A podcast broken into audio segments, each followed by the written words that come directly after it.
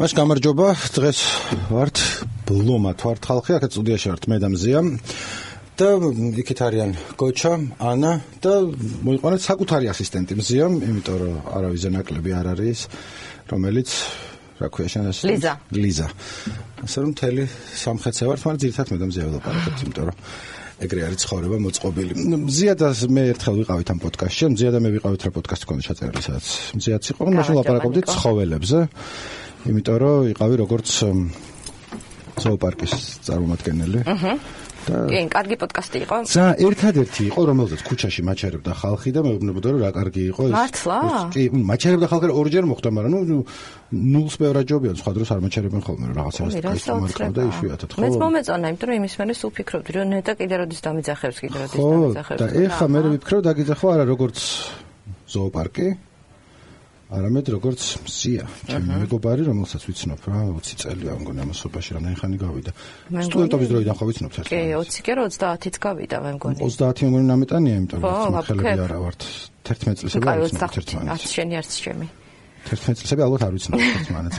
მაგრამ მე მახსოვს შენ გიცნობ უნივერსიტეტის დროიდან და ეხა დაწყებამდე დაჟე ვფიქრობდი რომ შენც ჩვენთან სწავლობდი სოციოლოგია ან რაღაცა და მე მივხვდი რომ არა ალბათ მაშინ იყო ესეთი ესეთი მეგობარი იყავი და მანდან გიცნობ მაშინ იყო ესეთი ტრადიციები ჩვენ ჩვენ ახალგაზრდობაში რომ მე სწავლობდი სამხატვრო აკადემიაში და შესწავლობდი უნივერსიტეტში.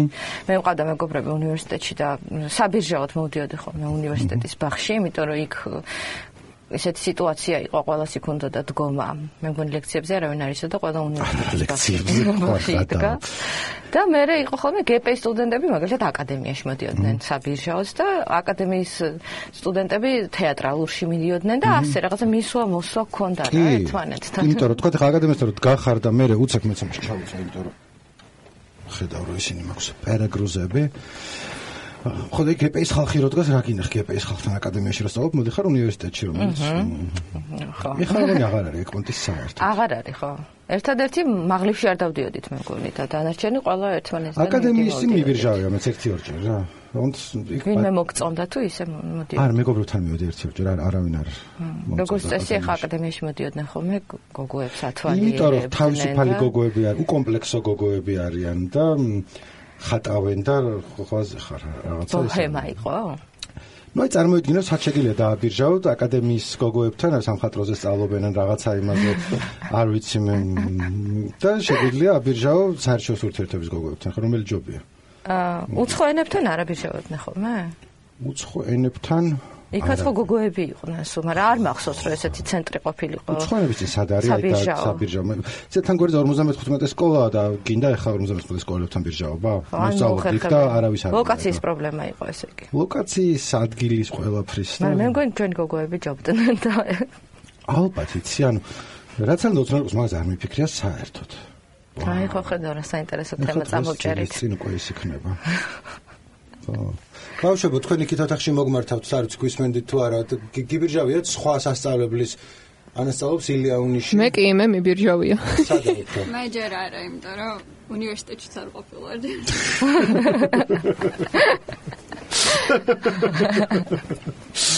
აა, ზანკაია.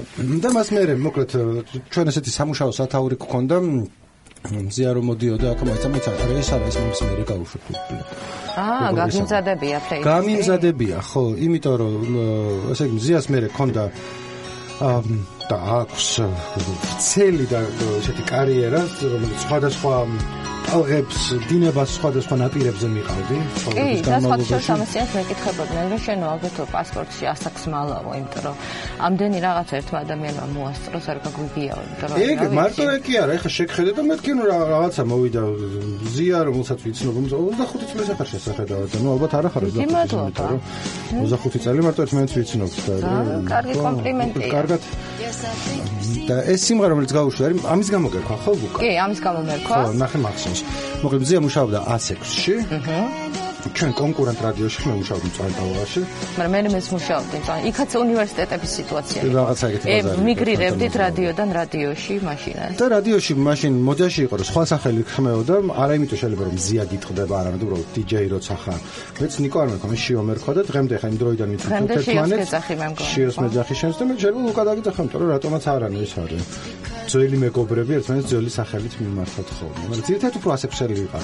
ასექსუალი მეც მიმუშავია ორი თვე, მაგრამ საერთოდ ვერ ჩავეწერე, აი ვაფშე. უფრო მწონეთი ტალღის ტიპი იყო. ხო, იმიტომ იქნება წამოვედი და მე ცოტა ხანი რა ჯორესთან მივედი მე თქვენთან მიმუშავებ მეთქი მაშინ იგი იყო არტ დირექტორი და ბაზარი არ არისო და საერთოდ ვერ ის რა ვერ ის დამუღამე. ვერ დაამოღა. მე ძალიან კარგად მოვერგე. თავიდან მივედი თუ არა. თან მე სულ ვიხსენებ ხოლმე რომ ეთყობა აი მაშინ რაღაცა ეს ახალგაზრდული ენთუზიაზმი მაინც სულ სხვა. იმიტომ რომ მახსოვს როგორ მოხდი რადიოში. ესე პირდაპირ მივედი ვაჟასთან ლაშვილთან და უთხარი რომ თქვენთან მინდა მუშაობა. აი ესე არც ვაცი არც ასნაცნობია, არც ვაკანსია, არაფერი მივედი, ესე მივადექი ჩემი სამხატვროდან წავედი პირდაპირ დაფა მოჭრილი. და კარგიო დაჯექიო და შეავსეო და მომცა რაღაც კითხვარები და ესეთი ის იყო ჩამონაცვალი რომ უნდა ჩამაგეწერა 10 როკ შემსრულებელი 10 ბლუზი 10 ჯაზი 10 კლასიკა. ხო ესე და დამზარიყავ და ჩაგეწერა და ჩავწერე და მახსოვს რომ 10 და 10 სიმღერა რომელიც მოგწონს და რაში გამიმართლა ესე კი რა მაინც აიღბალი რას ნიშნავს რომ ამ 10 სიმღერაში ჩავწერე ბობ დილანის სიმღერა როა. Man gave names to all the ეგ ჩავწერე და თურმე ეს ვაჟა ეს შე რომელიც ჩემი დირექტორი გახდა 10 წელია თურმე ეძებს ამ სიმღერას და არ იცის რა ქვია. მაშინ ხო არ იყო ინტერნეტი და მოძებნო უნდა გეძება კასეტებს ჩანს სიმღერა არ იცოდა რა რა ერქვა ამ სიმღერას და რო დაინახა ეს სიმღერა განაცდა უცბად და არ იქავა და მეორე დღეს ამირეკეს და მოვედი დავჭი ეთერში ეგ რა უცნაური სიმღერაა, იმიტომ რომ ეხლა რომ ამბობდი რომ უნივერსიტეტები და სასწავლებლები ერთმანეთთან მოძრაობდნენ, რომ მაშინ რადიოებშიც იყო ეგ ისე, რომ ჩვენ უშვებდით სულ მაგ სიმღერას რა, ძალიან ტალღაზე. და მე რო დავფიქრდი რატო უშვებდით არ ვიცი რომ არ არის ხა დილანის ტოპ 20 სიმღერაში არ შედის რაღაცა ნუ ერთი ქრისტიანული ალბომი აქვს და მანდედან არის და კაი სიმღერა დღემდე მიყვარს და усმენ ხოლმე დრო დრო მაგრამ რაღაცა საიდან ხო ესეთი არ არის მაშინ ქონდა ხოლმე ამოჩემებული სიმღერები და ერთ-ერთი იყო მაშინ გისმენდი მე მახსოვს ღამეებს ვაცენებდი თქვენ გისმენდი შენ ცხოვრობდი დელისთან სადმე ალბათ ნუ ცუბიძესე და თუ სხვა არავინ არ გვისმენდა მარტო მან დიჭერდა და დენი არ იყო რაღაცა ხელის რადიოებით ღამე დენი რო არ იყო ამ ჩამქრალში ცივეში და ერთი გამონათება ეგ იყო რომ აი ღამე უსმენდით. არ გენატრება ეგ რადიოს პერიოდი ძალიან მენატრება იმიტომ რომ რა ვიცი ერთადერთ ნათელი წერტილი იყო მე მგონი და ეგ სიმღერებიც მაშინ რასაც უშვებდით ეთერში აი მაგალითად შენი ეთერებიდან მიყვარს. It's the end of the world ბაზარი არ არის ხო? აი რაღაცა ახალს რო გაიგებ და რო გიხარია რომ აუ რა მაგარია ეხა აღარ არის მაგის ფუფუნება ხო? ძალიან მარტივია რაღაც ახლის მოსმენა, ახლის გაგება და მაშინ აა ესეთი ცენტრი იყო კულტურის ასე ვთქვათ რა ეს რადიო და იქიდან მოდიოდა ეს სხვა ინფორმაცია და მოკლედ რაღაც გადაცემები იყო ვრეკავდი მახსოვს რაღაცა ისინი ვიქტორინები ქონდა უნდა გეთქვა აბა ვინ არის მის ედი ვედერი ვინ არის და აა და ვიწერდი მე ვინ ვის სოლისტი იყო და რაღაცეები აი საოცარი პერიოდი იყო და აი რადიოში რომ მოვხდი მეგონა რომ არ ვიცი მე-9 ცაზე აღმოჩნდა ცენტრში იყავი რაღაცა მართლა ეგრეც იყო რა რეალურად აა ეგრეც იყო კი. რა თქმა უნდა ჩვენც როცა იქ მუშაობდი იყო რეალურად ბევრი რადიო გამოჩნდა მე უნივერსიტეტი და რაღაცები იყო მაგრამ ნუ ჩვენ ზევიდან უყურებდით, იმიტომ რომ ჩვენ თვითონ სხვაგან მუშაობდით. მე ვიყავ მწვანე დალგასასტავი, შენ 106, ნუ კიდე 105-ის ხალხი იყო, რომელიც თავის პონჩი ნაშებოდნენ. ხო, თავისი ის ავტონომია ჰქონდათ. მაგრამ ნუ 106 მუსიკის სვენელებს შორის ყველაზე პოპულარული მაინც ეგ იყო, იმიტომ რომ ჩვენ მაინც ჯაზის და როკის რადიო ვიყავით და ძალიან ხო, ან თქვენ კონკრეტული მიმართულება ჰქონდათ და 106 იყო ყველა დროის საუკეთესო მუსიკა და თან იყო აი რისი ფუფუნება ჰქონდა, იცი, აი ამ დიჯეებს, რომ რაღაცა სიმღერას აღმოვაჩენდი ვაკითხ ხოლმე ახალს, მე შეგვეძლო რომ ეს გაგვეჰიტებინა, როგორ თქვა და მე მაშინ მიყვარდა ხოლმე მქონდა ეს რაღაცა რა ვიცი უნარით რაღაცა ალბომს რომ მოусმენდი, უცბად მიხვდებოდი რომ აი ეს სიმღერა არის ისეთი რომელსაც აიტაცებს ხალხი რა.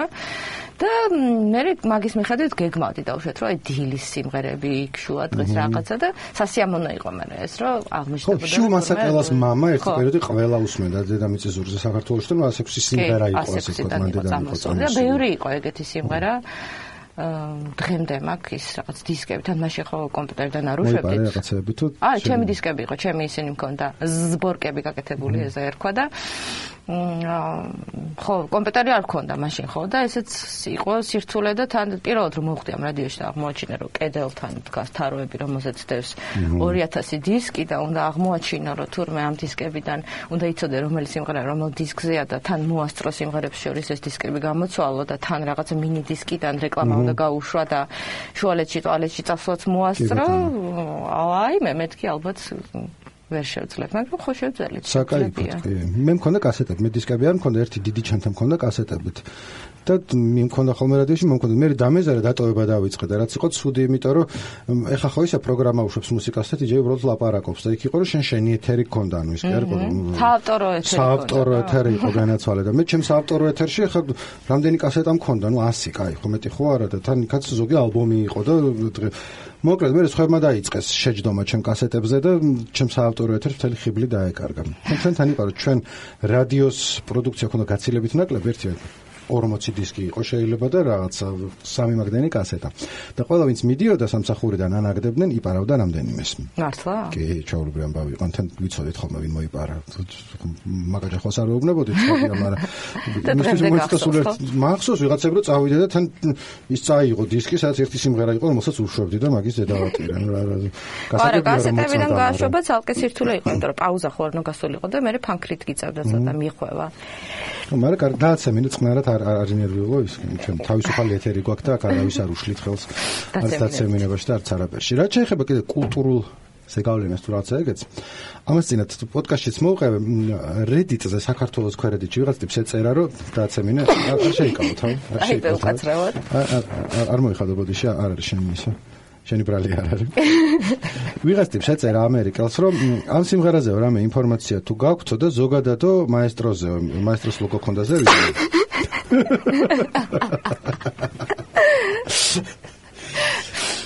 ხო და სიმღერა იყო ქვეყანა აირია. და და ნუ გასაკვირი არის ნახა და აბა რა არისო, მაგრამ მე ეწერა ტიპს ამ სიმღერის ხათი თო ქართული ვისწავლეო. მართლა? ეს სასოფლო რაია რომ არა. ხო. მეთქი, ну, кай ბაზარი არ არის, кай სიმღერა, მაგრამ ქართული ვისწავლე кай სიმღერა არ არის. და ქვევით ვიღაცა მე დაუწერე, ხომ მეთქი აი ეს რაც მაესტრო იყო, ესენი იყვნენ რაღაცა ტოროლების სიმღერა დაულინკე ლექსენის და რაღაცა მამუკაღლონტის ისტორია რაღაცეები ცოდნოდა იმ ტიპს და ხო ანუ ეგრე ლექსენი ისინი ვიცოდიო, ხომ ეგო პონტი არ ვიცოდიო. გაიხარდა და ქვევით ვიღაცას კომენტარებში ეწერა რომ მეც ვისწავლე ქართული ამ სიმღერის გამო. კაი რა. და მე დაფრთხი, მეთქი რა what? საიდან? და მე დაალაიქეს ეს ტოროლების სიმღერა. ეხლა მეც გავუშვებ ტოროლებს, იმიტომ რომ არ გადავდივარ შენ შემდეგ იმაზე. აჰა. შენ რომ თქვა შემდეგი არ იყო ეხლა ბოდიში რომ უბრალოდ სივის მიხედვით შეიძლება არ მიუყვებოდა, მაგრამ თანმიმდევრობას არის. თანმიმდევრობას. არა, ეგრე იყო კი. ეს იყო ერთ-ერთი ყველაზე გავლენიანი გადაცემა ქართული ტელეთერის ისტორიაში თავის ამბავში. ეს ეს გადატრიალება იყო. აი როგორც რადიოში იყო რაღაცა ცენტრი, ესეც ცენტრი იყო ტელევიზიაში. და ტოროლები იყავით შენ, მზია იყო, მზია გექვე თუ ლუკა ვიყავი? ლუკა ვიყავი. ლუკა იყავი. იყო კატო, ეკაკვეციანი და ლულუ მახსოვდა რომ მარხო ვიდეო შევხედეთ იკო არის ადუნიშვილი და ლულუ იკოც იყო ლულუ ტოროლაში მე შემოგვიერთა უფრო დღის გადაცემები მიყავდა მოკაი ეს. და ვავს ბევრი ვიყავთ ნიკა იყო ნანიკო იყო წუნა სალი ჩიკო გიორგი გაბონია კოსტა გიორგი ბევრი ბევრი ბევრი ვიყავით ხო. Dilam shi to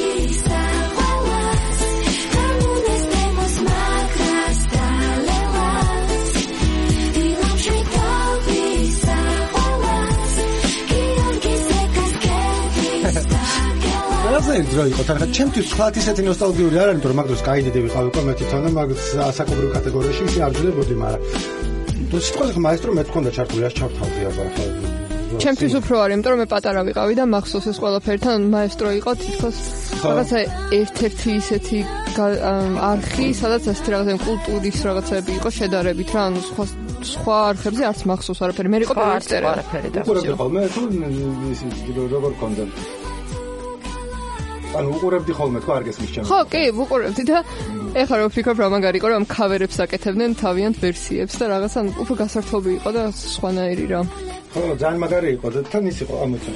მე ამასობაში მიკროფონი გამოვრთე და აღამეს მოდა საკუთარი ხმა.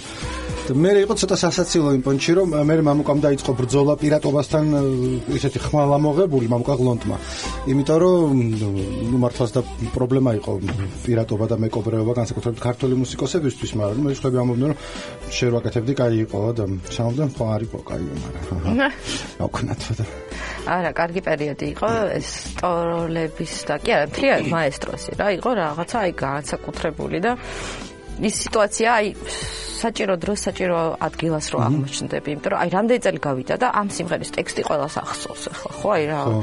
ეგეთ სიმღერა ხო ბევრი არ არის დაუშვათ ახლა და არა და ახლა რო გითხრა რომ რაღაცა ღირებულება აქვს ესეთ მუსიკალური თვალსაზრისით, არა ხო? არის კავერი და ტექსტიც დილამ შვიდობისა თამუნას ზინოს მაგდას გელას, ანუ ესეთი რაღაცა მაგრამ აი მიუხედავად ამისა დღემდე სიმღერაც ახსოვთ და ეხა პირბადებით რომ დავდივართ ქუჩაში როგორ უი როგორ გიცენ რანაირად მიცან მეუბნები პირბადე. მიკეთია ხუდი מחურას და აი მე აი შავშათვალე მიკეთია სპილოს ვასეირნებ სხვა კონტექსტში ვარ და თან აი ყველგან სრულად ესეთ მოულოდნელ სიტუაციებში აი რა ვიცი მე ანალიზის სასაგებად რომ მიხარ კლინიკაში და მე და რო შემოდის იმ რაღაცაებით და უი როგორ მიყვარდი ის რაღაცა და მე ზუსტ ხანერის იქნება ხოლმე გარემო და კარგია კარგია. ისწორდება, ხო, აბა ისე კი არა, რა დამანებე თავი მე სხვა განავარ ცხოვრებაში არა ხარ, რა. არა, ძალიან სიამოვნოა და თან აი ესეთი ხალხი რა, ეხლა მაგალითად ამას წინათ ერთი ალბი, არ ვიცი, 65 წლის ქალმა გამაჩერა და აი ბავშვობიდანო იყურებთო და მე დავფიქრდი, რომ კაცო, აი ეს ქალი თუ ბავშვი იყო მე რო ტელევიზიაში. მაშინ რა ხდება? ესე იგი ძალიან დიდი ხანი გასულა თქო და ხო, აი ეგრე ბევრია ხა გაიზარდა ხალხი ამასობაში, ჩვენ როგორია რომ ისე ისეთები ვართ, მაშინ ბაღის ბავშვები და პირველ კლასელები ვინც იყვნენ ჩვენ ჩვენზე დიდები არიან ხო? ხო, ეგრე არის კი. არა გაქხომ, მე თქვა კლასელების ან ვიღაცების ძველ ფოტოებს რო უყურებ და მე გაინტერესებს ახლა როგორ არიან Facebook-ზე გადახვალ და ესე რა ხარ აბა მე არა მიშავ ჯერჯერობით ანუ ხო ხე შეიძლება ობიექტურად საკუთარ თავს ვერ უყურო საკუთარ თავს ვერ აღიქვამდე მაგრამ ნუ ისე შევხედავ ხომ მე გარეგნულად რა ესე ნუ არა მიშავს რაღაც ანუ არა იქ ვიღაც დეიდები და ბიძიები რო ჩათავა. კი, ძალიან ხშირად ეგ კი არა, ერთხელ ერთი ბიჭი შემხვდა ამის წინათ არა რამდენიმე წლის წინ, რომელიც აი მომწონდა, არ ვიცი მე 14 წლის რო ვიყავით 15 და ნუ აი რაღაცა სულ ამაზე რო ფიქრობ და რაღაცა დღიურებში რო ჩაიწერო, აი მე დღეს ვნახე ამ ადამიანს. აი მე ლაშა 15 წუთზე და ბიჭი შემხვდა და აი არ ვიცი რაღაცა დამემსხრა მთელი ჩემი ბავშვური ისინი რას გავხაშენი არა ის კი არა რას გავხარ რაღაცა. უბრალოდ შესაძლებელი არა ხო რაღაცა ხო აი რაღაცა შენ გონი აი დღემდე ხა იმას რო უყურებ ხო სამი კაკალი კონკია სახის რო არის ფილმი და ის პრინცი ხო ის უფლისწული ხო ისეთი გახსოვს მთელი ცხოვრება და ამ დროს რო დაგუგლო ეხა ხო რაღაცა ბლეყვა კაცი გახდა რაღაცნაირი ხო. და რაღაც მე შეგო შემოგეყრება ხოლმე გულზე რა ეს ბავშვური ოცნებები რო აღმოჩნდება რო თურმე დაინგრა და ესა და მე ვარ და მაგ შემთხვევაშიც რა და ხო მეც ქონია ერთ-ერთი გოგო ბოლო კლასებში ვინც მომწონდა თუ რაც მე ვნახე და მეთქი აჰა იმე კაი რა ცოტა რაღაც მინდა არ უნდა შეინახო ცხოვრებაში ნუ გარეგნობაზე არ ვამბობ კიდე ერთხელ იმიტომ რომ არა არა გვაქვს ეგეთი გადაცემა სადაც მის გარეგნობაზე უღირს არა ხო უბრალოდ ეხა ჩვენც რაღაცა ესეთი ხალხი მოგწონდა ხოლმე რომელიც ეხა დღეს არ მოგვეწონებოდა ხო და უშოთ ის ადამიანი ალბათ ხო რა ვიცი მე. არის მიხედვით მოგწონდა ეგეც არ ვიცი ახლა. ვიცი ასე არა ვარ. თან მაშინ კარგი სიტუაცია იყო რა მხრივ ვიცი აი პურის რიგში რო ვიდექით მაგალითად მე და ჩემი მეგობარი იყო ესეთი სქემა გქონდა რომ დილის 5 საათზე მამები იკავებდნენ რიგს პურის რიგში და მე რო გათენდებოდა სადღაც 7:08-ზე ჩვენ მივდიოდით და იქ იყო ძალიან ესეთი თინეიჯერული სიტუაცია იმიტომ რომ ვიღაცა ბიჭები მოდიოდნენ იქ იდგნენ ჩვენ ხო ვიცოდით ახლა ვინ მოდიოდა ვინ მოგწონდა ვინ არ მოგწონდა მოგწონდა და სულ ესე ვითვლიდით რომ დღეს მოსული იყო ის ცისფერი თვალები რო აქ. დღა და ბოლოში იდგა და მე აი რა მღამი ქონდა მაგასაც ვერ ხვდები. ან ვიდექით და უყურებდით როგორ იდგა ის რიგში. და ვიცოდით რომ დღეს დღეს მოვიდა ხვალ არ მოვიდა.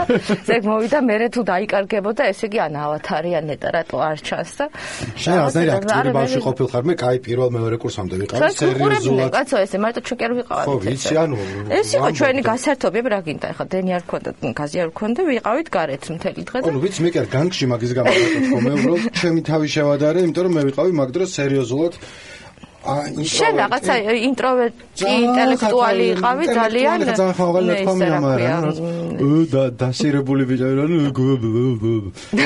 ეს ნერდები ქვიათ მაგრამ ნუ მაშინ არ ქონდა თავის სახელი. ეს წარმეთქვა რომ ინტროვერტი იყავით ვერ დავიჯერებ შენ უფრო სწორად ბოდიში რომ გვარდავთ ახლა მეგობრებს ქუჩაში გამარჯვებას არ ვეუბნებოდი იმიტომ რომ მე რიდი აა ეს ძალიან ჭკვიანთოა თავი სახით დადიოდა ისევ ჩანდივით რომ რაღაც თავი მომქონდა კიტრად მაგრამ სინამდვილეში უბრალოდ ის ვიყავი თან მაღალი იყო უფრო და აი რომ გამოჩნდებოდა უნივერსიტეტი უნივერსიტეტის ბაღში. გაუპარფარებულები გარშემო ხალხი შემოეცდებოდა შედარებით არ ამიშავდა იმიტომ რომ მაგ დროს დავიწყე რადიოში მუშაობა და რადიომ ძალიან მიშველა რაც კომუნიკაციის და რაღაცების ამბავში ხო დღეს თვით შეფასება არ გიმალდა რაღაცა ისე იყო მისწორდებოდა რადიოში მუშაობა. მაგრამ ნუ რადიოში მაშინაც ნორმალური თუ ლაპარაკობდი, რა არ ვიყავი ცუდი დიჯეი, თავის დროის ამბავი. ძალიან კარგი დიჯეი ხო, მადლობა, მაგრამ მე რო გამოვიდოდი, მე ეს იყო გამარჯობა. ხო, ათა. მაშინ პირველად რო გითხრეს, რომ ეს არის შიო. ვა, ეს იყო ჩვენთვის აღმოჩენა რა. ხო და მე ესე ვიყავი. აი, არაფერს შუაში არ. ნაცრისფერი ქურთუკი გეცვა ხოლმე, რეები გამახსენდა. რეები გამახსენდა. არ ვიცი, თვალწინ დამიდგა ეს სიტუაცია უცბად და. მე მწვანე დაღაში მუშაობდით ერთად. მე მწვანე დაღაში მუშაობდით ერთად და მე მქონდა ესეთი გადაცემა ერქვა LS LSD. და მოკლედ ღამე იწყებოდა ეს გადაცემა 12 საათზე და ყვებოდი სხვადასხვა ჯგუფების ისტორიებს. აჰა. ოღონდ ისე კი არ არის ერთ გადაცემაში რომ მოყვები. შეიძლება აი ბიტლსზე მქონდა გადაცემა, ექვსი გადაცემა მარტო ბიტლსზე უყვებოდი მე მგონი. დოკუმენტური სერია გქონია რადიოში. ხო, და თან რაც თავარია, მე რომ მეგონა რომ არავინ არ უსმენდა ამ გადაცემას, ხა ღამე წარმოგიდგენ 12-დან 3 საათამდე ვიღაცა გოგო ზის და რაღაცებს ლაპარაკობს. ბიჭო, ავტომატურად. ხო, და თან რას ვაკეთებდი, იცი, რომ ტექსტს ახლა წიასწარ ხარ მომამზადებდი ახლა ამდენი გადაცემის და რაღაცა ისინი ლიტერატურა რაც მქონდა ხოლმე წიგნები რაღაცები რასაც ვკითხულობდი წინასე იქვე მეტად პარალელურად ვკითხულობდი თან რაღაცებს ყვებოდი ხოლმე. პირველი გადაცემა რო გავიდა ეთერში შენ იყავი მაშინ და შენ მაშინ შემაგულიანე რომ მიდიო აბა შენ ისეთან ნერვიულობდი. მე ვიყავი დათუნა იყო მაშინ დრამერი და შენ იყავი და აბა ახლა ვიდიო არ შეგეშინდესო და ასე და. ვაფშე არ გეტყობოდა რომ შეგეშინდებოდი ჯერ დასაწყისიდან მოსული იყავი უფრო მეტი ხალხი გისმენდა ვამბობდი რომ მეგონა არავინ არ უსმენს ხო ერთვენი ერთ დღეს მოვიდა ვიღაცა ბიჭი და მოუმიტანა კასეტებზე ჩაწერილი ჩემი ყველა გადაცემა. რას მეუბნები რა მაგრამ დღემდე მაქვს შენახული ეს კასეტები და თან ეწერა ესე Beatles-ი, Led Zeppelin-ი, Rolling Stones, ანუ აი ის არქივი გააკეთა რა ამ გადაცემების. მაგარი შეგრძნება იყო. თან გადაწერა და მოგიტანა, ანუ რა ჩაწერა, ანუ რადიოდან ეს გადაცემები. ხომ თავისთავად ხო შეინახა, ნუ მარტო შეხვარ მოგიტანა, ანუ რაღაცა იქალი ჩატიგმა და რამდენი მნიშვნელოვანი იყო მაგისტრის, აუ რა მაგარია. მე მთელი ცხოვრება ისე ხარ, რომ რაღაცა გამიკეთებიან, ხო? ანუ მე მქონია რაღაცა ეგეთი მომენტი ხარ გასნა არ მოუტანე ჩემს მაგრამ აი რაღაცა ჩემ ყვები რა რომ უცებ რო დაფიქსდები რომ ნახე რაღაცას ვლაპარაკობდი და ვიღაცა მისმენდა და მაგისტრის მნიშვნელოვანი იყო და როგორ ასწორებს? ხო დღესაც ახლა ბევრი ადამიანი ხა Facebook-ში ხო რაღაც კომენტარებს წერს და ვღლაბურცობთ მაგრამ ბევრი არის ისე რომელიც თვლის რომ მნიშვნელოვანი გარდატეხა მოხდა მასში რაღაც მუსიკალური ან ისეთი ან ასეთი და მე ვფიქრობ რომ აა ესე გნახეთ ყველა არ მიცხოვრია ხო? შეიძლება არც არაფერი ხო მაგრამ რაღაც ყვალი და ამბიციურად არ ვამბობ ან რაღაცა ფიქრობ რომ აა ესე კი ყველა კი არ ვიყავი რაღაცა გამიკეთებია რა. და იქ მეგობრობდი ტოროლები თუ ისეთ პონჩი რა იქ ვიყავით ჩათვალე რომ აი ერთი დიდი ოჯახი. აი მეგობრობდით როგორ გითხრა? მეგობრობით დაუშვათ ეხლა მეგობრობთ ეხლა მე და ლულუ ხო? როცა ერთად არ მუშაობთ მაგრამ ერთთან კავშირი გვაქვს და იქ სულ ერთად ვიყავით? სულ ტელევიზიაში ვიყავით? იქ ჭამდით იქ სვამდით იქ გვეძინა და აი ესე თან უკეთესი რა ხდებოდა რა აცაფერი ხო იქ მიგვეჩქარებოდა მივდიოდით მოვდიოდით და კატოს ხედავ ხოლმე მე ერთი ოჯახი შემხვდა ქუჩაში კატოსთან ეკასთან მე ან ყველაზე უფრო თქვენგან ეკასთან მეგობრობდი იმიტომ რომ ადრე ერთად მუშაობდით და მანამდეც ვიცნობდი იმიტომ რომ ჩემი მეგობრების ჯგუფელი იყო უნივერსიტეტში და იმას პირველი მეორე კურსთან ვიცნობდი. თან მე ჭიასწორი იყო და ჭიაჩემ მეგობარი იყო. კარგად დიდი ხნის განმავლობაში მეგობრობდი. ეხლა რაღაც ერთი ოჯახი შემხვდა და ისე. მეც ხშირად არ მაქვს შეხება იშვიათად უფრო. დაურეკო იქნება პოდკასტში მოვიდეს და მაგანაც თავის მხრივ გაიხსენოს რაღაცეები. დაურეკე. ხო, დაურეკო რა მე. კატოც კატოც იყო. ეხლა მახსოვს აი ამ იმაში რა ქვია 90-იანებში ისიც რომ და მაშინ ხო ყველანი დახეული ჯინსებით დავდიოდით და ეს რაღაც ქვემო და შემობთხნელი და კატოც მაშინ პირველად რომ ნახე უნივერსიტეტის ბაღში ესე იყო შემოხეული ჯინსები ეცოდა.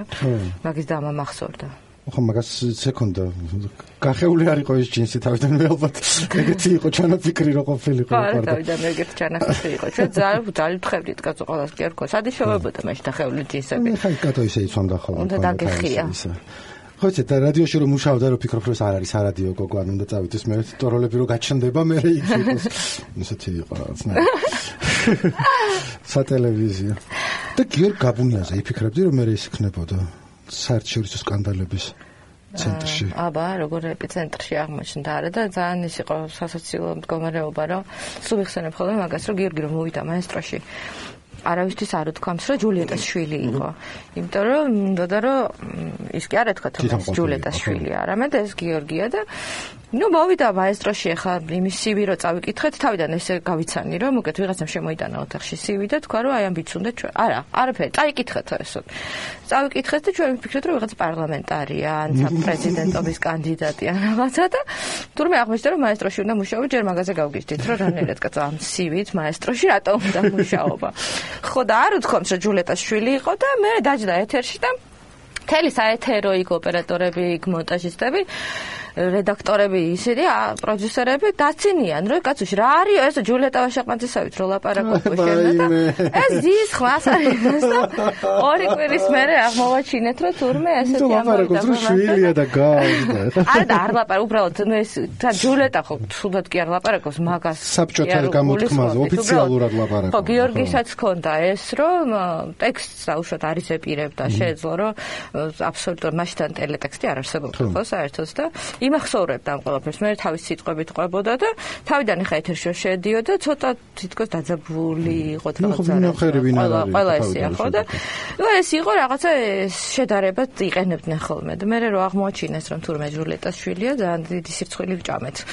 მაგრამ სამაგიეროდ მე ძალიან კარგად დავმეგობრდით და გიორგის ხა არასოდეს არ ყოფილა ისეთი ტიპი. არ უთქვამს რა, აი თქვა რა ჩემზე თურმე თვითონ ციცინოდა ხოლმე. გამოხვა, ე ჟულეტა მოდი აქ და ეს უდა ციც მართლაც და ჩემი ხო და მე თვითონ ჯულიეტასაც და კარგად გავიცანით და ეხლა გიორგის უცნაური ისინი ქონდა ხან თავს გადაიპარსავდა ხან წვანეთ შეიღებოდა ხან ეხლა ეგრე არ არის რა ვიცი ჯულიეტას რო არ მოწონდა ჩვენ ხან ხან დაურეკავდი ხოლმე რომ არა უშავს ეხლა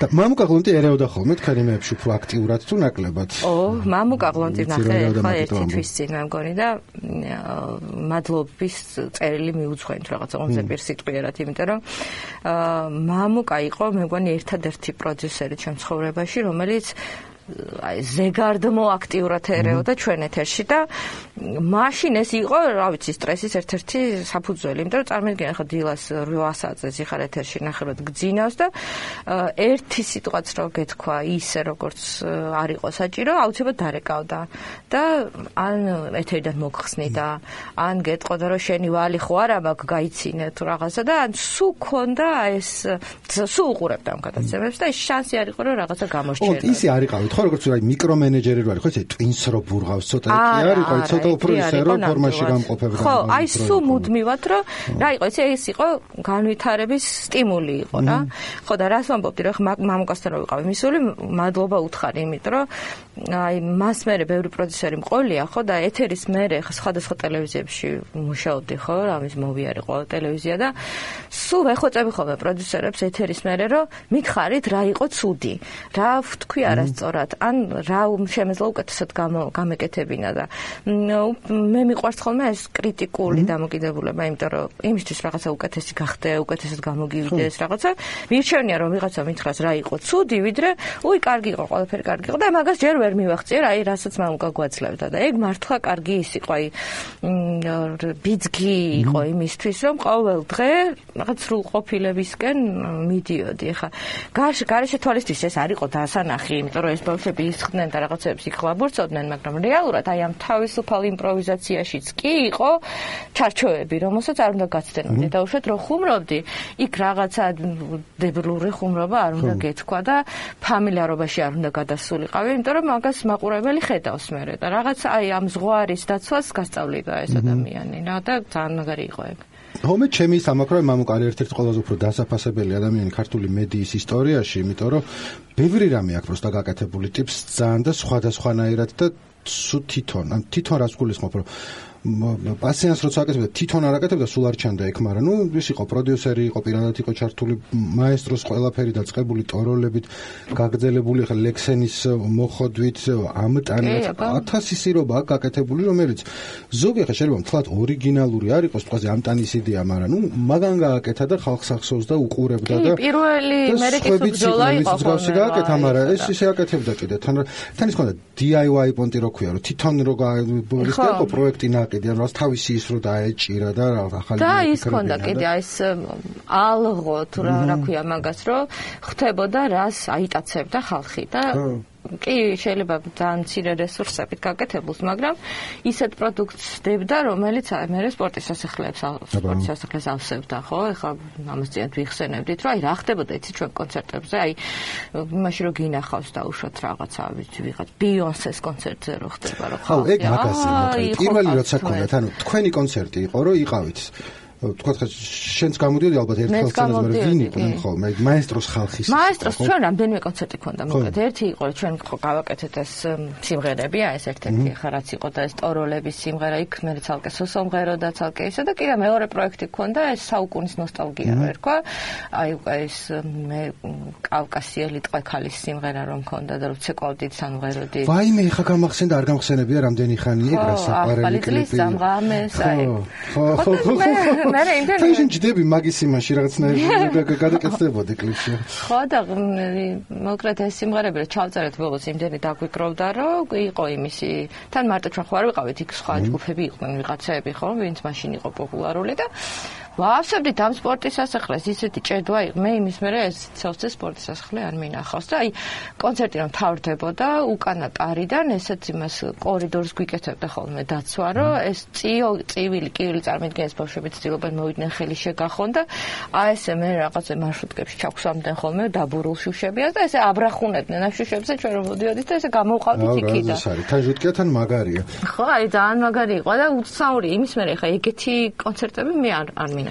და ესე მაგ ჰაიზე შეჯექით რაც ქვია ნუ ფიქრობდი მე რომ ეს მომწონს და ესე მინდა რომ იყოს თუ ცოტა ის იყო შემოწუხებელი. არ ხო და იცი არ შემოწუხებელი არ იყო, მაგრამ აი მამუკა ეგეც მაგითაც იყო კარგი რომ სულ მუდმივად აკონტროლებდე რომ ჩვენ არ დაგწყებოდა რაღაც ეს ვარსკვლავური დაავადებები. ეს თულია როგორ გინდა დაგეწყოს. ხო და შეგვამშნებდა თუ არა დაუშვათ ეთერში ან ქცევაში აუცილებლად ან დაუშვათ მოხსნიდა ეთერიდან ორი კვირა საერთოდ დაქსონდა გადაცემაზე. რატომ ბევრი იყავით და შეეძლო რომ ეხლა შენ და ისე რომ ხო შენ დაიწყე ვიღაცა მოვიდა და ჩაგანაც ვსწრებდა რა და აა ხო, აი რაღაცნაირად ესე იყო, რომ მე არ მქონია ხა მე ხა ვუცოთ რომ აი ეს რაღაცა ეს ვარსკვლავური ისინი არ მქონია და ჩვენ ჩვეულებრივად ვიყავით რა, ჩვეულებრივი სამსახური იყო. და ამასაც ისე ვიღებდით, თითქოს ესეც უნდა ყოფილიყო. ჰმ. მაგრამ ის ცხოვრებაში არ გაჟონავდა ხოლმე რომ ვიღაც თქვა ბიჭების პონჩი ან აი რაღაცა ხო იცი სხვანაირად რო გიყურებე რომ ტელევიზორში ხარ მაინც და პოპულარული და თან არა მარტო ტელევიზორში ხარ რაღაცა ის კი არ მიყავს რაღაცა ტოროლებში და კლიპი და რა ვიცი მე. იყო რა ვიცი იცი რა იყო ალბათ იმიტომ რომ ჩვენი ნომრები იყო ძალიან გასაიდუმლოებული ტელეფონის არავის არ გქონდა უფლება რომ ჩვენი ნომერი ვიღაცისთვის მიეცა და მე ვიღაცას ტვინი ეხრიდა შენთვის მაგრამ ისე იყო რა თქმა უნდა ხან საჩუქრებს გვიგზავნიდნენ ხან ყვავილებს ხან დაგხვდებოდა ვიღაცა არა? ხო, ერთი ის ამა, კაი, გაგონილი მე რო თუ ტელევიზორში ჩანხარ და გოგო ხარ და რაღაცა ყოველას თითო სტალკერი სტალკერი მაინც ყავს ვიღაცა ტიპი ვინც გაწუხებს ან გირეკავს ან რაღაცა უცებ აღმოჩნდება რომ სადმე შეგხვდება და თუ არ შეგხვდა გაგიმართლა. ესე იგი იმიტომ რომ იყო ერთი ადამიანი ხო მეც ყავდა ერთი ესეთი რომელმაც აღმოჩნდა რომ თურმე მიმამს გავსა ვიღაცას კიდე არ ვიცი მოკლედ არ არ მიყვარს ხოლმე ამ ანუ ხო ჟუტკი ისა ხო რა ხო არ თქვა არ მაგით არ მიყვარს დიდი ხანი არ გაგზარებულა მალევე დამთავრდა კი არ აღწებულა ანუ მალევე მოვაგვარე ეს პრობლემა მაგრამ არ არ მიყვარს ხოლმე მაგის ცოტა ისეთ უსიამოვნო სიტუაცია იყო. მაგრამ აი მაგ მაგას სწრაფად ვცვლი ხა საუბრის თემას რა ხომ შემონო სიტუაცია იყო საგადადო მაგ თანამდებობის არა მაგის პონჩი რამე კარგ ადგილებში არჩით რა ისეთ პარტიზა რომელსაც სხვა ხალხი არ ხვდა ხო ხვდები რაღაც ელიტური პარტიის ეთი ნათქვამია მაგრამ სიტყვაზე საღამოობით რაღაც ლექსენთან და სოსოსთან ერთად ხო იმ წუთა შენთვის მეგობრები არიან შეიძლება არც ლექსოსთან არ მეგობრუდი მაგრამ იქ არის რა ჩითავს ხოლმე და რაღაცა პარტია სადღაცა და შენთვის ჩვეულებრივი ამბავია და ვიღაცები კარებზე დააბრახუნებდნენ ახლა რომ შემოსული ჩვეულებრივი ამბავი იყო და უფრო რაღაც ერთად ვიყავით აი ეს არ არ ახლა მე და შენ სადღაც წავალთ. ჩვეულებრივი მაგრამ ვიღაცა ქუჩაში იტყვის რომ აი ის ხო ის არის ის კიდე ის არის და ნუ ისინი ჩათ გარედან ჩანს რომ ეს რაღაცა რაღაცა სუპერ პარტია არის რაღაცა ხალხი ხო სიტყვამ და ჩაულებრივი რაღაცა ოჯახური ამბავია. თან მე ხშენი არ იყოს ის ინტროვერტი ვიყავ მეც და თაში დავდიოდი დიდად არ მიყვარდა ამ ეხლა დადი ხარ კიდე. კი? დავდი რა მაგარია ხო და ძირითადად არ მიყვარდა ხა არც კლუბები არ მიყვარდა არც აი ეს რაღაცა ტუსოვკები ძალიან მღლიდა და იშვიათად დავდიოდი ხოლმე თუ რაღაცა ძალიან დიდი აუცილებლობა არის ნარკოტიკების პრობლემაც მინიმალური ხო? აი ეს საერთოდ არ მქონია ეგ პრობლემა არც მაინტერესებდა. კი რა რამდენიმე წლის წინ ლულუ წამოდიო რა კაცო რა სუსახში ციხარო და წამოდი მეთქი კაი ჯანდაბას და წავედი სადღაც აღარ მასშარდე სადღაც კლუბში. აი მე აი უკან მოუხედავად მორბოდი იქიდან იმდენად ის იყო დამღლელი მაგრამ ეხა იყო პერიოდი რომ დავდიოდი აი ისო იყო ხო ისტერიკა თუ რაღაც არ ვეწერა აი. მე არ მახსოვს რაღაცა დისკოტეკა იყო რაღაცა მაგრამ შევწუხდი მაგრამ ჩვენ რო თინეიჯერები ვიყავით გახსოვს მაშინ ის რო იყო ლესელიძეზე რო კლუბი იყო იუარი დავდიოდი მაგალითად იუარში და იუარი იყო ყველაზე ისეთი ხო კაი პონტი. კაი პონტი და გიგა მიქაბერიძე პირველად მაშინ ნახე მე მგონი იქ რო გამოვიდა ხო იმას რომ ღეროდა და არია კონდეს ფული. თუ ოვერბალანსზე იყავი არა ოვერბალანსი ცალკე იყო მე რაღაც სიმღერა ქონდა. აა ისა ამ ჩვენ დროშებს თინ ნიკო ერთ ეგ სიმღერა ხო მაგას ხედავ ხო და ეს ხო ეგ იყო ვერბალანსის სიმღერა ანუ ამ შემთხვევაში ცინიკო და მეორე რაღაც აა უბრალოდ ხო. რაღაც აური ეხა მის არ არა მის ამღერ შემთ ავარია კონდეს ფული და არ იქნები და ჩა არა მე რაღაცა მაქვსო იყო ერთი და მეორე ამ შემთხვევაში ცინიკო ორი სიმღერა ქონდა და ერთმანეთში აურია ხო. ორი სიმღერა არ ქონდა მეტი ქონდა მაგრამ ნუ ეგ ორი იყო ხო მე აი როკ ფესტივალებიც რო ტარდებოდა იქაც დავდიოდი. ხო მაინც როკერა გოგო იყო ხარ ქონდა ეხა ეხა. რაღაც ისეთ კონცერტები რო არის დავდივარ ხოლმე როგორ არის მაგრამ აი ამ საკლუბო ცხოვრებას ვერ გაუგე ვერა ვუღე ალხო ისე როგორც ელექტრონულ მუსიკას. ხო, მე ხან მივლია რა, ასეთი კითხვა ვთქვა, მაგრამ ტოჟინი მაი იუარი მირჩევნია მეც ახალგაზრდობად. იცი მარტო ის არ არის, ხა წარმოიდგინე ასაკის პონჩი ხა. კი, მიხვალ კლუბში, მაგრამ სუ სხვა არის შენი რო არის? აი მაგითი რო ცხოვრობ აი რო თქვა როკ კონცერტებზე რო დადიოდი ახალგაზრდობაში ეგრე ვიღაცები დადიან ივენთებზე და ვიღაცები რო დადგა და დგზუს აკეთებს თან ბევრი არჩევანი აქვს მეტი და აი როგორც ჩვენ იუარში დავდიოდით ესე დადიან ახლა. ხო იუარში თვაში ერთხელ იყო რაღაც ხო თვაში ერთხელ მაგრამ ის კაი გამახსოვრდებოდა მე რა სამ პატარა. ისინი დადიოდნენ რიფერში და იმაში რო კლუბში ანასხელა ხალხი. და მეორე ასისტენტების მაფია რო ვაიმე ეხა არაფერ შუაში არ არაფერთან მაგრამ ყველას უყვები შენი შვილის ხუმრობას კი არა ძეგლებთან დაკავშირებით. იმ დღეს წავიდე ისე გამეცინა, წავედ ჩემწოს მოუყევი ეგრევე და მე რა ვინც ვინც ხდება მოყევი შენ ბარემ რომ დავამახინჯე. რა იცი რა არის რომ მაგიტო დავწერე პოსტად რომ მე ყოველ წელს რომ მიგდებს ხოლმე რაღაცას მიხარია და რომ დავდივართ ხან თბილისში ხან მუსიკაზე მივიყავთ ხო ხან რაღაც ბალეტზე და სულ იცი 8 წლის არის ჩემი შვილი გოგო. და მანქანით რომ გადავადგილდებით ქალაქში გავივლით ვიღაცა კაცის ძეგლია ცხენიანი კაცის გამოვივლით ვიღაცა კაცის ცხენიანი ძეგლია ხო და ამ ძეგლებს ვერ ასხოვებს ახლა ეს ბავშვი. მე კი მეუბნები რომ ეს არის დავით აღმაშენებელი, ეს არის გიორგი სააკაძე, ის არის ვახტანგ გორგასალი, მაგრამ ვერ მახსოვრებს ხო? ყველაფერს მისთვის არის ყველა ცხენიანი კაცი ერთნაირი. რა ვიცი მე გორში წავედი და იქაც იგივე ცხენიანი კაცი დახვდა დაიბნა ბავშვი და მე დაიმახსოვრა რატომღაც ეს ვახტანგ გორგასალი, ოღონდ ვახტანგ გორგასალი ვერ დაიმახსოვრა, დაიმახსოვრა ვახტანგ გორგალიშვილი. და ამიტომ ყველა ყველა ცხენიანი კაცი ძეგლი მისთვის არის ვახტანგ გორგალიშვილი ვახტანგ გორგალიშვილები რო განდა მე ამე კიდე და რო უყურებ აა ვახტანგ გორგალიშვილი ვფიქრობ მე ეგრე საიდან საათ ხო ხო ბავშვი არ შეხვედრება წესიერად შეიძლება გამარჯობა მეთქონს მაგრამ ეხლა აი დავუშვით მოვხდით სააკადის მოედანზე ხო? ეხლა სადა ვარ აა ვახტანგ გორგალიშვილის ეგრე რო დგას და ის ისე მომწონს. ეს იქნება ახსნა დაჭirdება რომ სადა დგას და ვერ მიხვდები რომ ვახტანგ გორგალიშვილი რომელი ვახტანგ გორგალიშვილი რამდენია და აფეთქებული ყველგან დგანან ვიცი აი ცხენზე რო არის ხმალი ჭოს ხო აი საერთოდ არ მეხმარება არაფერში. ხო მე ვხდები რა და ბავშვი ძალიან ძნელია განასხვავა ხო ყველა ერთმანეთს გავს ხო იდეაში? ხო ხო აბარა იმას მოუბრუნდები ხა მაესტროს ამას როგორ დამთავრდა ანუ ყოველასთვის ხა გარედან ვინც უყურებდით ხოლმე იყო რომ ერთ ბაშად შეწყდა კი არა რომ რაღაც ხნის განმავლობაში აღარ იყო ის აქტუალური როგორც მანამდე და მე უცებ აღარ იყო. რა თქვენცაც ეგრე იყო თუ როგორ ხდებოდა? ხო მე მგონი მე ვიყავი ყველაზე ერთ-ერთი ყველაზე ბოლო ვინც დატოვა ეს გეიმი ფული აღარ იყო თუ რა ხდებოდა ფული აღარ იყო. რაღაცა მე გაურკვევლობები იყო მაშინ ამ სიხშირეებთან დაკავშირებით იმიტომ რომ ხან პირველ სტერეო სიხშირეზედან გადავედით მე რაღაც ევრიკის სიხშირეზე, იქიდან კიდე სადღაც გადავედით. ფული აღარ იყო, არ შემოდიოდა რეკლამიდან და მე თან აი რაღაცნაირად მოიშალა მოინგრა ეს ყველაფერი რა. ნელ-ნელა იყო. თუ ერთ ვაშად ისე უცოთ არ ყოფილა რა, დაიხკრა და რაღაც ბოლოს რაღაც გადაცემები დარჩა რა ვიცი, ალბათ რაღაც ყველა სიტუაციაში ეგრეა ხოლმე. ხო, აი როგორ იხარ და ეთყობა რომ ასე ინგრევა ცოტა, მაგრამ ჯერ არა და მე მოკალდება მე ისე მე ისე და ბოლოს უკვე მე მქონდა გადაცემა ინფორმატორი იყო მეში დარჩენილი. თან მაშინ უკვე როგორ იყო, იცი რომ ბევრი სხვა არხი გაჩნდა.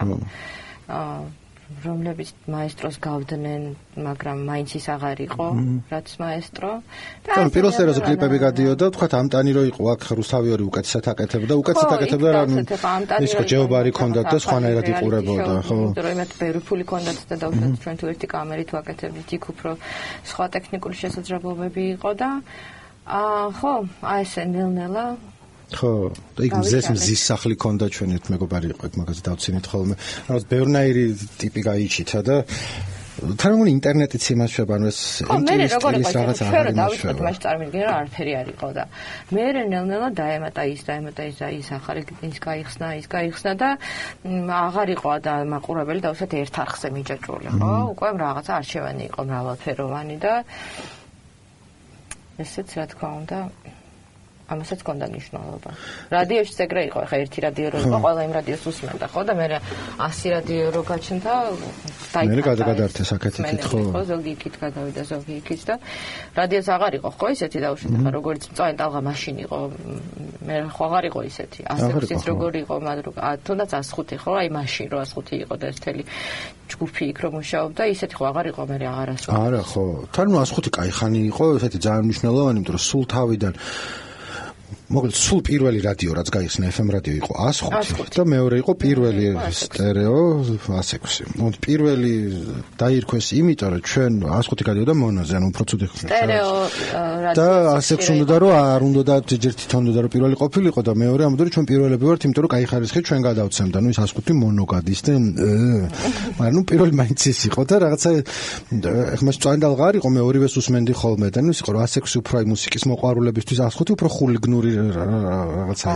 იმათ ტიხრები ახაც მახსოვს რა ხო და მე ტიხრები რო დაიწყეს მე კულტურული ძალა იყო დიდი ხნის განმავლობაში რამდენიმე წლის განმავლობაში მთელი კულტურული ცხოვრება მაგის გარშემო ტრიალებდა რომ 105-ის ახალი ტიხარი გაიჩითა და თან რაღაცა ეს 105-ელები ცალკე ის იყო. ცალკე სასტავი ცალკე სასტავი აუტანლები ძირითადად. სასტავი და ეხა არა უშოთ ან დაღვინდნენ და დაკაცდნენ. დაკაცდნენ ხო ზოგი ზედმეტად რაღაცა მაგრამ ხო ასხუჩი ბევრი ხალხი მუშაობდა და ზოგი აქეთ არის, ზოგი იქით არის და ზოგი კიდე იქით.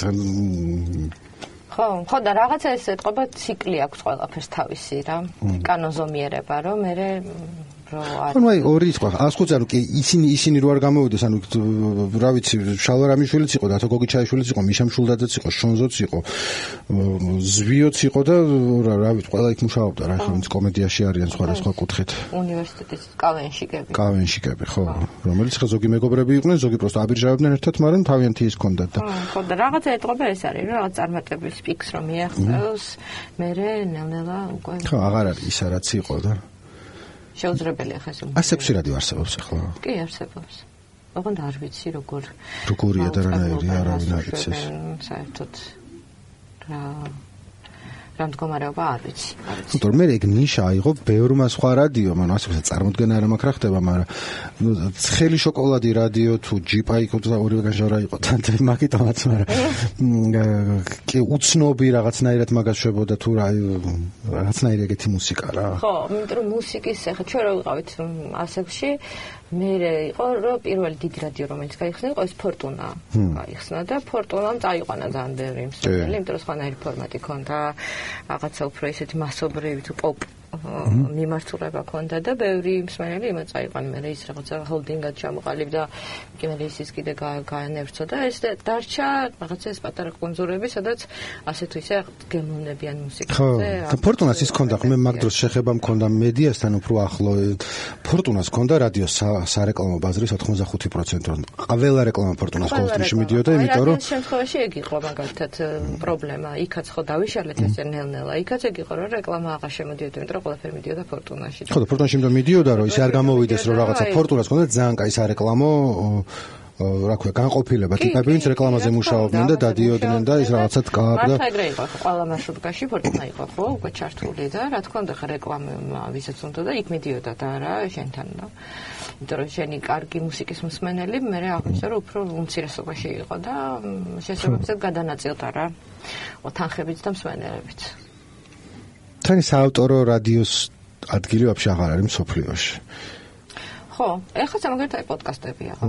და ვისაც აინტერესებს უსმენს პოდკასტს. ზუსტად ვისაც არა და არის. ვისაც არა და თან ხა თან ხა ნიკა ერთსათი ლაპარაკობ და ვინ საქამდე გვისმინა ესე არიან ჩვენი ძმები და დები არიან და თქვენ გენაცვალეთ და ჩვენ ჩვენ ზევიდან უყურებთ ვინც არ უსმენენ პოდკასტებს იმ ხალხს ხო აი პოდკასტი ხო ახლა მაგალითად უფრო ისეთია ხო ახლა გიჭირავს შენ შენი ადგილი რომ ითვლება რომ ათობით ათობით ადამიანი გვისმენს რა სამბობ ხო არ ხარ აი ტიპობა პოდკასტი ნუ არსებობს ხო თავისი ის აქვს. ო დაждები ლაპარაკებ და კიდე რადიოში გახვალ თუ არ ხო მეორე ხარ ხო იცი რა ჩვენ ბოლოში გავედით ხო? ახლა ტელევიზია გაქცევარება ინტერნეტით შეგვიძლია გააკეთო ყველაფერი შეგვიძლია გააკეთო ინტერნეტით. ხო ტელევიზიაზე კიდე ბევრი არის სალაპარაკო მაგათაც ისა აქვთ. აი მამუკას რაც ქონდა რომ თავისი ახლის გაკეთება უნდა ანუ არა აუცილებლად ველოსიპედის გამოგონება და ნულიდან აწყობა მაგრამ რაღაცა თავის თვისთი რო ქონოდა ქართული ან ორიგინალური ან ისა და მე არ მიყვარს აი ერთ-ერთზე გადმოღება ან უცხოურის ან სხვა არხის გადაცემის გადმოღება ერთ-ერთზე და ზუსტად ეგეთის გაკეთება იმიტომ რომ მე ვხედავ ღირებულებას რომ ხო რომ ხუთი ერთნაირი გადაცემა რო გადიოდეს სხვა სხვა არხზე აზრი ან რაღაცა ცოტა შეცვალეს ხო თან მამუკას კარგი ქონდა ის რომ თვითონ როგორი ტიპი იყო იცი ძალიან გამბედავი იყო შეიძლება ესე ითქვას იმიტომ რომ რაღაცა გიჟური იდეა მოვიდა და თავში და დილას დარეკავდა რომ მოდით ცოტა დღეს უნდა გადაიღოს კლიპი. და როგორი ახლა არც მომზადებული ხარ, არც ტექსტი იცი, ახლა იმის კეჩუპების სიმღერა ჩავწერეთ, პირს ვაღებთ თქვა და ტექსტი რეალურად არავინ არ იცით, იმიტომ რომ იმ დღეს მოვისმინეთ ის სიმღერა პირველად, ხო? მე რა აბა ახლა ცეკვა უნდა გვეცეკვა, ხო? ცეკვაზე არ დავდიოთ ახლა არ ვიცოდით არც ის მოძრა. ისიც ახლა ხედავ ხა ზოგი დაძრება, ზოგი ახლა და ეს წოროლების კლიპი ეხარ ჩამოწერა სიმღერა უყურებდა რა სასაცილოები ხართ რომ კატორო რასაც შეიძლება რა ხო იდეაში ხარ და ცეკვა მაგრამ კი არ მერიდება, მაგრამ არ ვიცი ზუსტად რა ხო და იდეაში ეს სინქრონულად უნდა გაგვეკეთებინა, ხო, მაგრამ რანაირად გამაგვივიდა და ახლა აი დარეკა 12 საათზე პირველ საათზე ვსო ვიღებთ და მოვედით ზოგი მარჯვნივით ნევდით ხელს ზოგი მარჯვნივით ისეთი იყო სასადუნიშვილი თიკოს და ლექსენის კლიპში თიკო როგორც იქცევა არის ერთ-ერთი ჩემი უსაყვარლესი მომენტი ქართული მუსიკის ისტორიაში. იმიტომ რომ შორტები რო ეცოდა ძალიან შორტები რო ეცვია და ეს აა ესე გამოდის რომ იო შორტები გამოვიდა სცენაზე ბაზებო მართლა ეგრეა თქვილა კი არის. აა არა და ეხლა რო უყურებ დღევანდელი გადმოსახედიდან არაფერს არც ისე აცვია და არც ისე იქცევა მაგრამ მაშინ იყო ეს რაღაც რევოლუცია სექსუალური არ ვიცი რა სასწაული. აი ხო ხო და მაგას ვამბობდი რა ეს ექსპრომტად უცბად და მაგის გამბედაობა ქონდა და ახლა იმდენი რაღაცა უფრო ფრთხილობენ ვაი თუ ისე ვაი თუ ესე და ეს ვაი თუები რაღაცაეთ უშლის ხელს მე ამ კრეატიული რაღაც ჩანჩქერების ამოფრქვევას იმდენი სიფრთხილით და რაღაცა დაფიქრებულობით თუ ახლა მეტი ფულია ჩართული მაგრამ ბავშვი მეტი ადამიანი ახლა მაგა მარტო იყო და 7 თავისნაირი არ ყავდა გვერდზე რომ უნდა ისე რა მონა ხო მაგრამ იქნება ერთი კვირის მერე ჩავწეროთ ეს ხო და თან დასაკარგეთ არაფერი იყო რა რა ცდიდა გამოვიდა და გამოვიდა და არ გამოვიდა და სხვა რაღაცას მოიგონებდა და ეხლა აღარ გამოდის ხო ესე იმიტომ რომ სასწორზე ბევრი რამე სასწორზე ბევრი რამე სასწორზე დევს მეწილეთა კეთილდღეობა თუ რა რაღაც არის რომლებიც ასე წარფსაწევენ ჩვენი კიდან ჩვენი დამფინანსებელი უკმაყოფილოა შენი ღიმილით ხო და აი მე კლავს ამ კრეატიულობას და რაღაც სილაღეს და მე ეს ეთყობა პროდუქტს. ხო და კარგად იყო ჩვენ ესე პოდკასტში ვიქნებით ბოლოში მე დავამთავრეთ მაგრამ ისიც ვთქვა ცხოველებს ანუ შენ მაისურზე გაჩვენე სადაც ჯიქი არის ესა თუ რა ქვია მას ლეოპარდი? ეს არის ლეოპარდი კი ლეოპარდი არის ჯიქი მე რატომ ხოს ჯიქი გონიათ ხოლმე თხის მსგავსი რაღაცა. კი გუშინ წინ ხონდა სამსახურში მაგაზე ლაპარაკი მე ვეუბნებოდი ეგ ჯიქია თქო და ყველა დამცინოდა და მე ვინ გამოჩნდა? გამარჯვებული მე. და ასევე ჯეირანი. იმიტომ რომ გაშალიფტები ჯეირანო რატომ მაგთემაზე კიდე მოვალ. შეიძლება ხო. ხო და ნუ ცხოველების დრო აღარ დაგვრჩა, მაგრამ რაღაცნაირად ეგეც რო ვახსენოთ, ვისაც წინა არა აქვს მოსმენელი უკვე кай ხანია ხარ ცხოველების ადვოკატი. აჰა, ესე გამო. და ზოოპარკის ზოოპარკის პიარი ვარ. საზოგადოებასთან ურთიერთობის მენეჯერი, უკვე რამდენი წელია? 6 თუ 7 უკვე. და кай, ხო გიყვარს ცხოველები და რაღაც რამდენი შეხება მქონია შენთან ერთი პოდკასტთან და ერთი ორი ისე საქმიანიც რაღაცა ისეთი გუნდი ჩანს თქვენთან რომ კარგია იცი რა თქმა უნდა ალბათ ვერ იმუშავებ ისე რომ თუ მე ცხოველებზე არ გაქვს. ხო, ну რა თქმა უნდა, ხა ცხოველებზე ვერ დაწერდა, ვერ წაიკითხა თუ არ გაინტერესებს ეგ თემა, ხო? ხა მარტო დაპირ, თან თუ ის არ ხდიან, არის, არა. ზოოპარკი არ არის ადგილი, სადაც ხელფასის გამო ხარ, ხო? ხა წარმოგიდგენია, ხო, ანუ ვერა. ამიტომ თან ძალიან დიდი მნიშვნელობა აქვს, ну გარემოს რა თქმა უნდა, ასევე ადამიანებს ვისთან ერთადაც მუშაობ, იმიტომ რომ სულ ამბობ, რომ აი ზურა არის დირექტორი, აა, რომლის მანქანასაც რო დაინახავ დილას სამსახურში, რომ ეხლა გაგიხარდება, რომ უი სამსახურში ყოფილა. და არა რა ის კაი, რა რომ ეგეთი, იმიტომ რომ ეგეთი შთაბეჭდილებას თორებს ტელევიზორში რაც გინახავს და ხო რაღაც წმინდა რო გინდა რომ ადამიანს კონდეს რო გინდა რომ მართლა ეგეთი იყოს, ხო. როგორიც არის და მიხარია და რომ მართლა ზეითად ყველა აი სამსახურში მიდიხარ და მანქანას დაინახავ დირექტორის, აუ, აქ ყოფილა, ესეთი და ეს შეგრძნება რომ არა გაქვს, ეგ თავისთავად ძალიან დიდი პლუსია ხო, ეს ამბობ. და სტიმული. ხო და ჯერჯერობით ვარ ზოოპარკში. პარალელურად რაღაც. რამე სიახლეს ველოდის ოქლოს ხალხში თუ არა არ ვიცით ზოოპარკი ხო არის ორი ერთი არის კი, განახევარი გადატანილი ნახევარი არის აქ ძველი არის ზოოპარკი და ჯერჯერობით ისეთ ა, ძველ ზოოპარკში ვართ ესე ხალხს ძველ ზოოპარკში ვიღებთ, იმიტომ რომ არ გვაქვს საშუალება რომ ახალ ზოოპარკს და ახალი იქნება საოცრება. ასევე მადლობა შენ ერთხელ გქონდა უბრალოდ ზოოპარკს გქონდა მცირე ხნით გახსნილი ერთი დღე ტური რო გავაკეთეთ, ხო? საინფორმაციო. კი, ესეთი ტურები საინფორმაციო ტური და იქ მოვხდი ოჯახთან ერთად და დავიარე და ძალიან მომეწონა იყო კარგი არა და გამახსოვრდა, ესე იგი კარგი ტური ყოფილა. არა, კაი ტური იყო, რაღაცა დავამახსოვრე და ფიქრობ დროზე გახსნან და მაგრამ იქ ავტობუსი არ დადის არაფერი ჯერჯერობით. აა, იცი რა, უკვე რაღაცები დადის და ალბათ რაც უფრო დრო გავა, უფრო დანიშნავენ, იმიტომ რომ გააგანაშენიან და ის ხარი ამასობაში ხო და. რა ვიცი, ასე ვარ ზოოპარკში ვაკეთებ პარალელურად სხვადასხვა პროექტებს, ახლა კოპირაიტინგის აგენტო მაგალითად და აი ესე წერთ რაღაცა 1000 დაუწერელს, რომელსაც ახლა წერა ხო იცი ესეთი თემაა, ყველა ვერ წერს და ვაფშე არ მიწერს. რა ქვია თქვენ სააგენტოს? ჩვენ მას აგენტოს ქვია იკალმანო. კი ბატონო. ხო და ესე ვითომ არ ვიცოდი ისე. ვითომ არ ვიცოდი ხო? კარგი, ასე ამის პროფესიონალიზმი ეგ არის, ჩავთე, ხო, ხო. რაღაცნაირად. რომ რეკლამა არ მოსულა, მაგრამ ინტეგრირება გავუკეთეთ. ნუ წერთან თქვენ კარგად დაწერთ ალბათ, მაგრამ ნუ ოკეი. კაია, მადლობა რომ მოხვედი. მადლობა, რომ დამიძახე. და კიდე დაგიძახებ ხოლმე რა. ხო, რა კარგია ხოლმე ხოლმე ალბათ, მაგრამ რაღაცა მიყვარ შენთან ლაპარაკი და თან ხო იცი, ისიც კარგი იყო ეს სერიაც და ვიფიქრე რომ იქნება ერთ და იმავე აბა ნახოთ ახლა ორჯერ გაჩერებენ. შევიდეთ ხო და ნახოთ. მე რო დააშერებ, მეც ჩამიგდე ლინკი, რომ მეც გადავაშეა, რომ დამთავრდა.